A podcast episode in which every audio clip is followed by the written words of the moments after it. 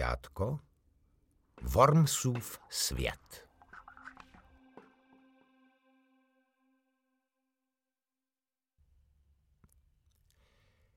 Jednoho jara se v obývacím pokoji manželů Hlavsových objevil policejní komisař. Usadil se v jejich nejhlubším křesle, aby zde vedl vyšetřování. Stmívalo se a komisař byl k smrti unaven. Drahý pane, milá paní, řekl komisař manželům Hlavsovým, Tomáš, jejich čtrnáctiletý syn, tou dobou běhal někde venku. Nemáte ponětí, co všechno obnáší policejní práce. Paní Hlavsová se rozhodla, že při nejbližší vhodné příležitosti nabídne komisaři šálek kávy, silné turecké kávy, která komisaře vzpruží. Panu Hlavsovi se ve stejném okamžiku myhlo hlavou totéž. A nebo něco velmi podobného, to už dnes posoudíme jen stěží. Zatímco komisař, jak se zdálo, nezadržitelně usínal v křesle, dva strážmistři pilně prohledávali byt. Jeden otevíral skříně v ložnici, druhý vytahoval zásuvky v kuchyni. Jde o ty krádeže na půdě, vysvětlil komisař manželům Hlavsovým. Podle hlášení vaší domovnice se zde ztrácejí staré časopisy a mizí prádlo z domovní šňůry. Žádné časopisy, vpadla mu do řeči kuchyň. Žádné prádlo, uhuhlala ložnice z protilehlých dveří. Vždyť je to také pouhá formalita, řekl komisař a vypadalo to, jako by v tu chvíli únavou definitivně usnul. Ve skutečnosti, ale jen z hlouby křesla soustředěně pozoroval manžele Hlavsovi. Ta pravá chvíle nabídnout komisaři kávu. Báli se ale pohnout z místa, aby to nevypadalo jako pokus o útěk. Kromě toho se báli vejít do kuchyně, aby to nevypadalo jako zasahování do prohlídky. Nakonec se báli podat komisaři kávu, aby to nevypadalo, že mají nějaký zvláštní zájem rušit jeho soustředění. Žádné seno, pravila ložnice s lehkým zklamáním v hlase. Žádný oves, poznamenala kuchyň. Vyšetřujeme totiž ještě krádež koně, dodal na vysvětlenou komisař z křesla. To bude nějaký úplně jiný případ, podivil se pan Hlavsa, který se nijak netýká našeho domu. Správně, přisvědčil komisař, aniž otevřel oči. Krádeže prádla a časopisů nám ohlásila vaše domovnice, zatímco případ ztraceného koně ohlásil hrabě Worms, který bydlí úplně jinde. Na druhé straně, když už jsme tady kvůli prádlu, můžeme se poohlednout i po koni. Konec konců jsem také hraběcí pod koní. Předpokládám, že nikdo není proti. Je tady pitlík plný tvrdého chleba, hlásila pohotově kuchyň. Cukřenka plná kostkového cukru, dodala ložnice a na důkaz těch slov něčím dvakrát zachrastila. Komisař ožil. Vstyčil se v křesle a ostře pohlédl na paní Hlavsovou a pak na pana Hlavsu. Jinými slovy změřil si postupně oba podezřelé. Pro koho přechováváte tolik cukru a chleba? Pro sebe, odpověděl pan Hlavsa za celou rodinu. Pro vlastní potřebu, dodal ještě. A věc se mu tím zdála dvojnásob vysvětlená. Hned v příští vteřině byl ale zatčen.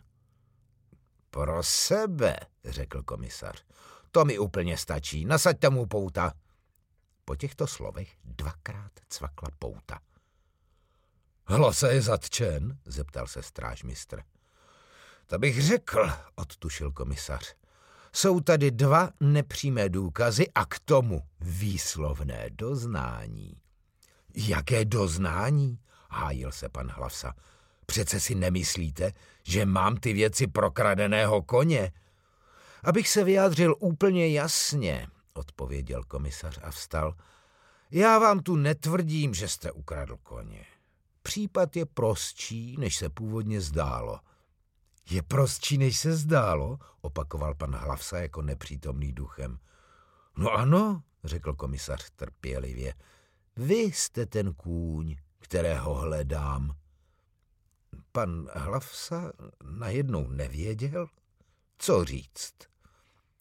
Pokud vás to snad uráží, řekl komisař a přerušil tak nepříjemné ticho, Případně pokud se cítíte nevinen, nebo pokud se domníváte, že vaše přítomnost v této domácnosti je absolutně nutná, mohl bych místo vás odvést vašeho syna. O, vlastně to bude nejlepší pro všechny zúčastněné. Kde vlastně máme mladého pána? To je snad žert? Tohle namítl pan Hlavsa, ale jen nejistě a po nějaké chvíli. Co jste to řekl? zeptal se komisař nevěřícně a téměř šeptem. Načež přistoupil těsně k zatčenému. Buďte tak laskav a zopakujte mi to předposlední slovo. Žert? Pronesl pan Hlavsa nečekaně pevně. Komisař se mu zkoumavě zadíval do očí. Hm, správně. To souhlasí, řekl po chvíli přemýšlení. No pochopitelně žertuji. Mládenci, jdeme. Blesku rychle se otočil na podpadku a zamířil ke dveřím. Za ním dva strážmistři, jeden z krabicí kostkového cukru, druhý s igelitovým sáčkem plným skrojků tvrdého chleba. Z chodby zavanul svěží vzduch plný vláhy a jarních vůní. Ze schodů doléhala až do pokoje ozvěna rychle se vzdalujících kroků, dokud pan Hlavsa nepřirazil dveře. Ukázalo se, že pouta na zápěstí zatčeného se dají uvolnit velmi snadno. Vlastně postačil dvojí lehký stisk. Pan Hlavsa to zvládl hravě, bez pomoci své paní.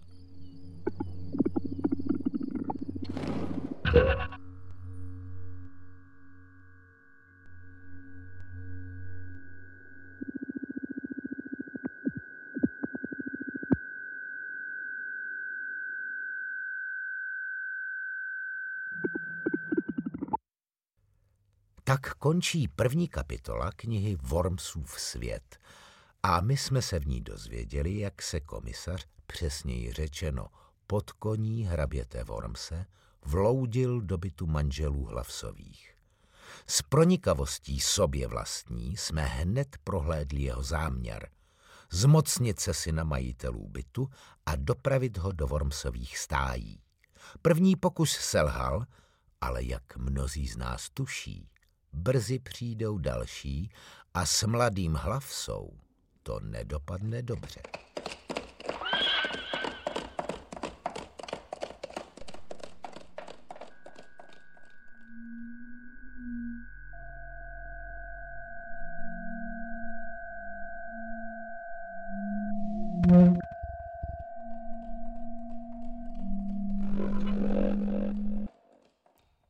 Ovšem jen jeden případ z mnoha.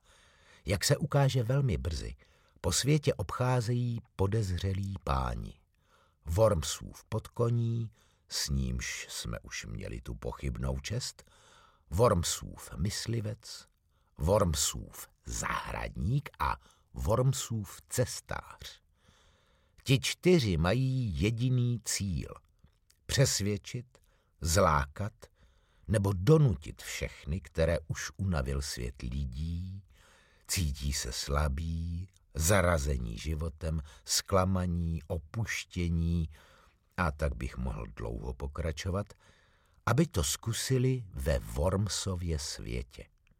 Jako koně ve Wormsových stájích, vlci ve Wormsových lesích, rostliny na Wormsových záhonech a skalkách, anebo kameny na Wormsových stráních. tak došlo k tomu, že se Tomáš Hlavsa ocitl ve stáji jako Wormsův kůň. A jak se rovněž dočteme v knížce, zpřátelil se tam s chlapcem jménem Jakub a starou paní, které říkají Marie.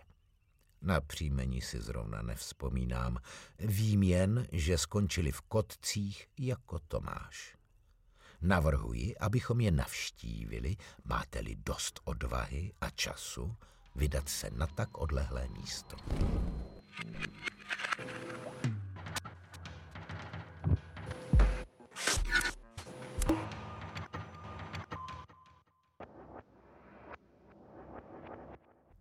Tak tedy, na pastviny se snesla noc, ve stáji bliká petrolejová lampa. Odkud si ze tmy se vynořil pod koní, přistavil si židli k našim známým a vypráví jim o Wormsově světě. Začátek jsme promeškali, nezbývá, než si poslechnout zbytek, ale mohu-li vám radit, nevěřte z toho jedinému slovu. Právě se chystá promluvit Jakub, ten nový známý Tomáše Hlavsy.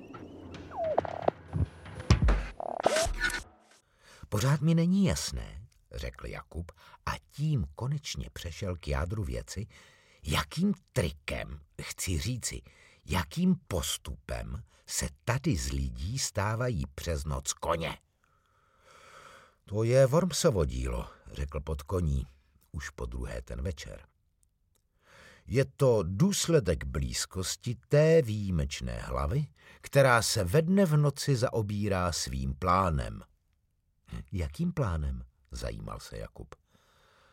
Plánem Wormsovy nové přírody, jak jsem vám už řekl. Podle tohoto plánu máme ve dne běhat jako koně a v noci ležet na slámě jako lidé, zkusil to schrnout Jakub. Úplná proměna si žádá jistý čas, vysvětlil pod koní. Nějakou dobu to bude probíhat takto. Hm, k tomu nebylo co dodat. Chvíli to trvalo, než se Jakub odhodlal položit další dotaz, který by mohl být, ale nebyl, zamítnut jako nemístný až drzý. A co vy? Na vás Wormsovo kouzlo nepůsobí? Já jsem pod koní, řekl pod koní. Není to tím, že jíte něco jiného než my? Vyzvídal Jakub. Není to v jídle ani v pití, řekl pod koní se vší rozhodností. Mám prostě jiné místo ve Wormsově plánu. Po krátké pauze, když se už nikdo na nic neptal, dodal pod koní. Klidně se ptejte dál. Marie právě procitla z polospánku, očí těkaly z jednoho na druhého, ale nezeptala se na nic. Hm, takže, začal znovu Jakub, když nějaký člověk cítí, že už nemůže dál jako člověk, může ještě pokračovat jako kůň. Správně, řekl podkoní. Kdo najde odvahu opustit místo, kterému vykázal starý svět a má dost nadání a mravní síly, aby zaujal nové místo, kterému nabízí Worms, dostane léta života navíc jako bonus. Kolik roků? chtěl vědět Jakub. No to ti pochopitelně nikdo neřekne předem. Víc nebo míň než deset let? Může to být i na věčné časy? Nikdy to není na věčné časy. Takže pak člověk umře jako kůň? Na tuto otázku, poněkud překvapivou od mladého muže, pod koní očividně čekal. Když se někomu krátí síly, takže už nemůže pokračovat jako kůň, může ještě přejít do rostlinné říše. Jinými slovy, přejde ze stáje do zahrady. Neběhá už po Wormsově louce, ale roste ve Wormsově zahradě nebo na Wormsově skalce? Chtěl si to ujasnit Jakub. Přesněji řečeno, postoupí do vyššího patra Wormsova nebe, řekl pod koní. Koně nerozmnožují utrpení v živočišné říši, ale spasou hodně trávy. To se bohužel nedá popřít. Naproti tomu rostliny, jak známo, žijí jen ze slunce, vody, země a vzduchu. Původně jsem měl jít rovnou do zahrady, vzpomněl si Jakub. Prokázal si totiž výjimečný talent, řekl pod koní. Byl si přijat rovnou do Wormsovy skalky. Věci se ale vyvinuly jinak, takže teď budeš běhat po Wormsově louce. To bylo zřejmé a Jakub sám nejlépe věděl, jak a kdy k tomu přesně došlo. Možná máš nějaký další dotaz, řekl pod koní povzbudivě. Nebo snad někdo jiný?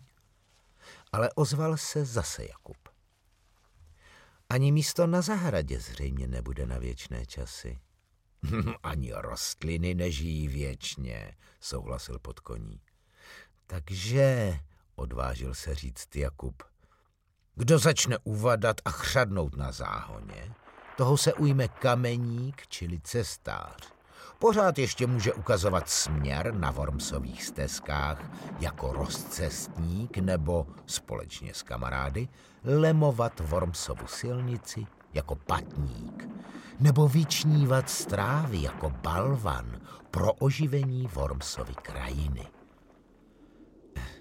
Takže konec je velmi neradostný, poznamenal Jakub. Já myslím, že je velmi radostný, řekl podkoní. Jakub si ovšem stále myslel opak. Nicméně zdálo se, že s otázkami skončil. Když bylo mlčení opět příliš dlouhé, řečník se obrátil pro změnu k Tomášovi. Ty se mě nezeptáš na nic, chlapče? Myslíte, že někdy uvidíme Wormse? Poslední otázka zastínila všechno, na co se předtím zeptal Jakub. Uvidíte ho zítra, řekl pod koní. Vstal a dál už mluvil ke všem. Zítra předpolednem pojede hrabě kolem stájí na své inspekční cestě. Na známý signál všichni zaujmou svá místa. Pak se obrátil na Tomáše a na Jakuba. Až prásknu byčem, vyběhnete na stráň, hlavy skloníte k zemi a nehnete se, dokud nepřejede kočár. Budete koně pasoucí se na obzoru. Uděláte to pro mě, chlapci. Krátce pohlédl z jednoho na druhého a když se nedočkal jasné odpovědi, otočil se a zmizel ve tmě. Potom se, ale jen na okamžik, vynořil pomocník, aby odnesl židli. Po něm se už neukázal nikdo.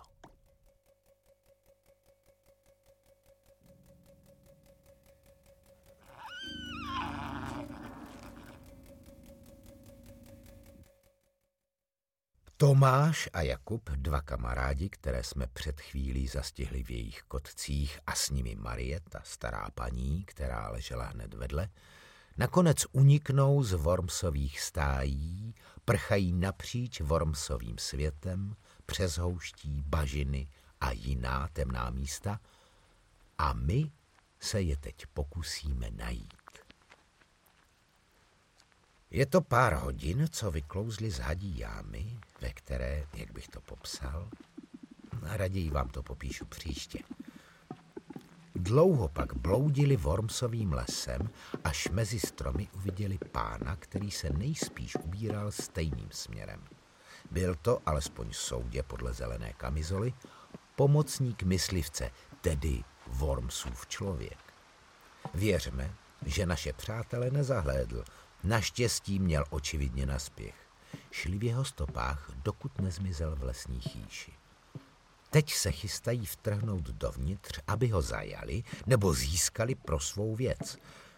Mám-li být upřímný, to druhé se mi nezdá. Nechme se překvapit.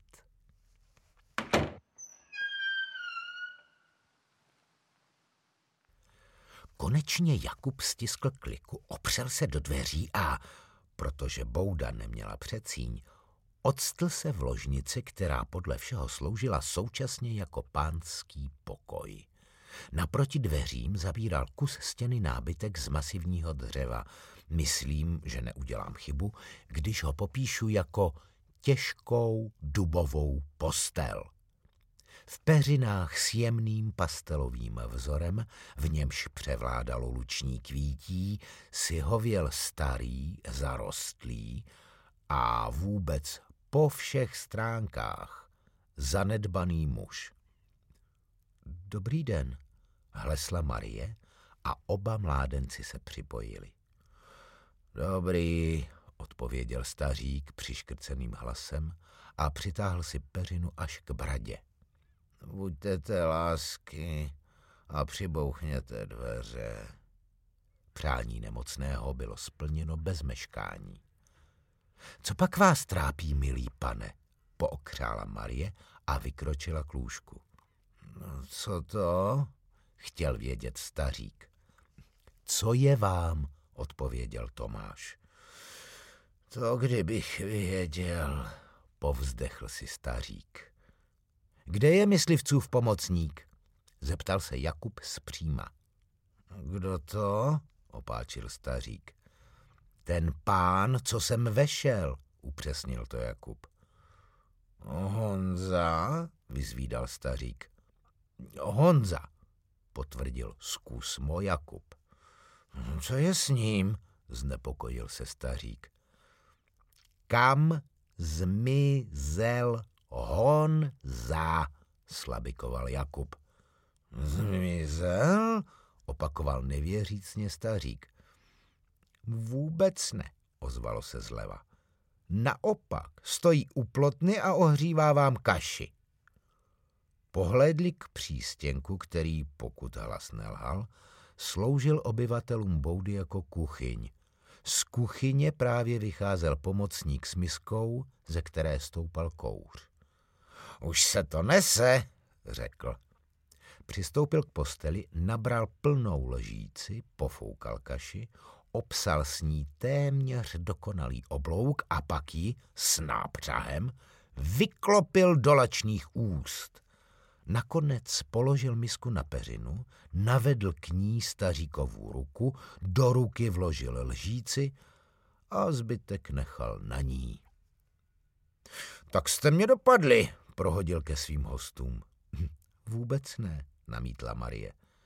To vám jenom tak připadá. Rozumím, řekl pomocník. Takže jsme prostě měli společnou cestu. Od hadí jámy kolem tůně, okolo krmelce, až do ložnice. On o nás věděl, neudržel se Tomáš. Tady se o vás ví, řekl pomocník. Tím zřejmě skončily úvodní zdvořilosti a bylo na čase přejít k věci. Kde to jsme? zeptal se zpříma Jakub. Na Marotce, řekl pomocník. Jsem totiž mimo jiné lesní doktor. Teď tu mám zrovna starého vlka, který jaksi není ve své kůži. Co pak pánovi schází? řekla Marie s účastí a také s potěšením, že se řeč stáčí na původní téma. Pán se nám jaksi přestal proměňovat. Najednou se nám zasekl v téhle dětkovské fázi. Pokouším se to uvolnit teplou stravou. Wormsovi kapky v kašovitém stavu, poznamenal Tomáš ale pomocník se tím nedal vyvést z míry. Je to krupičná kaše, řekl. Zdá se, že jste se smířil s novou situací, pokračoval Jakub. Čekal bych, že se nás budete chtít zbavit a vás to zřejmě ani nenapadlo. Hm, to se pletete, řekl pomocník. V tu chvíli děda dojedl kaši Muselo jí být jenom na dně, jen kolik bylo nutné na rozředění kapek. Pomocník uchopil prázdnou misku, vypáčil lžíci ze staříkovy ruky a odnesl ji do kuchyně. Rozhostilo se rozpačité ticho, jak už to bývá uložené mocného. Ale netrvalo dlouho. Přikrýt, poručil si stařík. Zřejmě ho zneklidnilo, že mu peřina sklouzla přídle z břicha. Tomáš, který stál nejblíž, přetáhl peřinu přes staříkovi boky. Nic nečouhalo a všechno bylo v teple. Tak se to jevilo z Tomášova místa a tak to možná doopravdy bylo, ale jen velmi krátkou chvíli. Pacient sebou náhle škubl, průdce a vzdorovitě, jako by obsluha, kterou strpěl od Tomáše, nebyla podle jeho chuti. Tady! Sípal s očima stočenýma k jednomu ze svých ramen, které trčelo nezakryté vzadu u samé stěny. Pán je nějaký rozmrzelý, řekla s účastí Marie. Tomáš se naklonil nad tělo nemocného, až se zdálo, že ztratí rovnováhu a překlopí se k němu do postele. To se v zápětí doopravdy stalo. Kostnaté ruce se vymrštily spod peřiny, prsty se zarily do chlapcova krku a divoce s ním zacloumaly. Tady mám jednoho, vřeštěl vítězoslavně stařík. To je už zbytečné, zaznělo z kuchyňského kouta. Dáma i pánové jsou stejně na odchodu. Jakub, který byl jedním skokem u postele, ani nemusel zasahovat. Prsty se uvolnily, Tomáš se napřímil a hned zas zavrávoral, jednou rukou se opřel o Jakuba, zatímco druhou si ohmatával krk. Zjistil, že vybíhá z trupu na starém místě a stále nese vyjevenou hlavu. Tady vás nečeká nic příjemného, řekl pomocník konejšivým tónem. Vevnitř ani venku. Ať se to radši odbude na čerstvém vzduchu, pod širým nebem, věřte mi. Bude to pro vás lepší. Otevřel dveře a vystrčil je na práh. Podvolili se bez protestů, zmatení z toho nenadálého zvratu, neschopní odporu a jediného slova. Dveře zaklaply a v zámku cvaknul klíč. Venku se mezi tím snesla noc. Stmívání, které před hodinou krylo dost zbytečně jejich cestu k boudě, už propustilo zbytek světla a zhoustlo v dokonalou tmu. O to jasněji teď poznávali oči, které k ním kráčely v několika párech na lidských nebo zvířecích nohách. Noc byla temná, jak jsem řekl.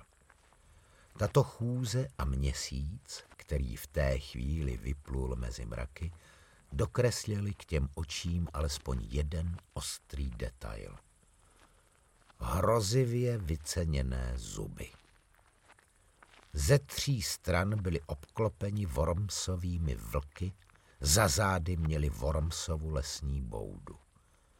Za jejím výsměšně rozzářeným oknem se rýsovala hlava pomocníka. Na skle se roztékal obličej starce. Hezky se projděte na zdravém lesním vzduchu, slyšeli za zády stařecké skřehotání a pak smích, který se dusil a zalikal sám sebou a dral se za nimi škvírami mezi prkny.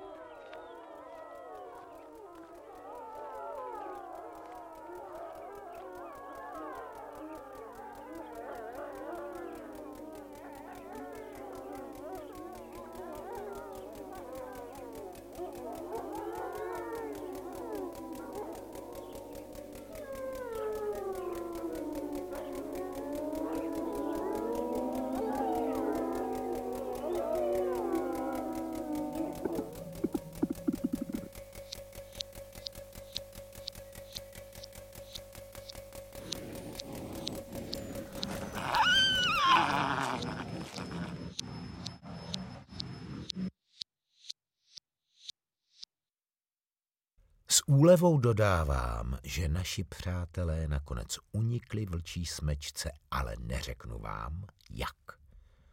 Sám tomu totiž pořád nerozumím. Situace se zdála beznadějná. Ostatně nebylo to naposledy. Na dalších cestách Wormsovým světem to občas vyhlíželo stejně nebo hůř. Raději ani nechtějte slyšet, co na ně čekalo ve Wormsově lomu, anebo v příšerném Wormsově zahradnictví. Získali ale spoustu nových přátel a všichni společně nakonec našli způsob, jak se vymanit z Wormsova světa. Potom se každý vlastní cestou vrátili k tomu, co nabízí lidský svět. Naděje, ty velké i ty nepatrné, drobná potěšení, i okamžiky štěstí a jindy úzkosti, zklamání, pochyby a všelijaké pády. Zbytek si každý doplní sám. A když jim někdo nabízel únik z toho všeho, nějaký lístek do nového světa, řekli mu díky. To už tu bylo. Máme to za sebou a není o co stát. Worms tedy zmizel a jeho lidé s ním. Tak jsem to alespoň vyčetl z knížky. Na samém konci, u zadních desek, jsem ale našel podivný leták. Worms znovu spatřen. Podle očitého svědka promluvil hrabě Worms na přísně utajovaném schromáždění a popsal plán takzvané nové přírody. Na různých místech se znovu objevily letáky tohoto znění. Hrabě Worms obnovuje své stádo. Informace o podmínkách na čísle odjezd vybraných uchazečů z nákladového nádraží, nástupiště číslo mm, dne, hodin. Nereagujte na tyto plakáty ani na nabídky od neznámých lidí. Nepožívejte podezřelé přípravky v podobě kapek, tabletek nebo prášku, nechcete-li se stát součástí Wormsovy přírody. Přemýšlejte, když vás osloví hlasatelé takzvaných nových světů. Ignorujte i tato oznámení. Hrabě Worms rozšiřuje své zahrady a parky. Informace o podmínkách na čísle hm, odjezd vybraných uchazečů z nákladového nádraží nástupiště číslo hm, Ne? Hodin.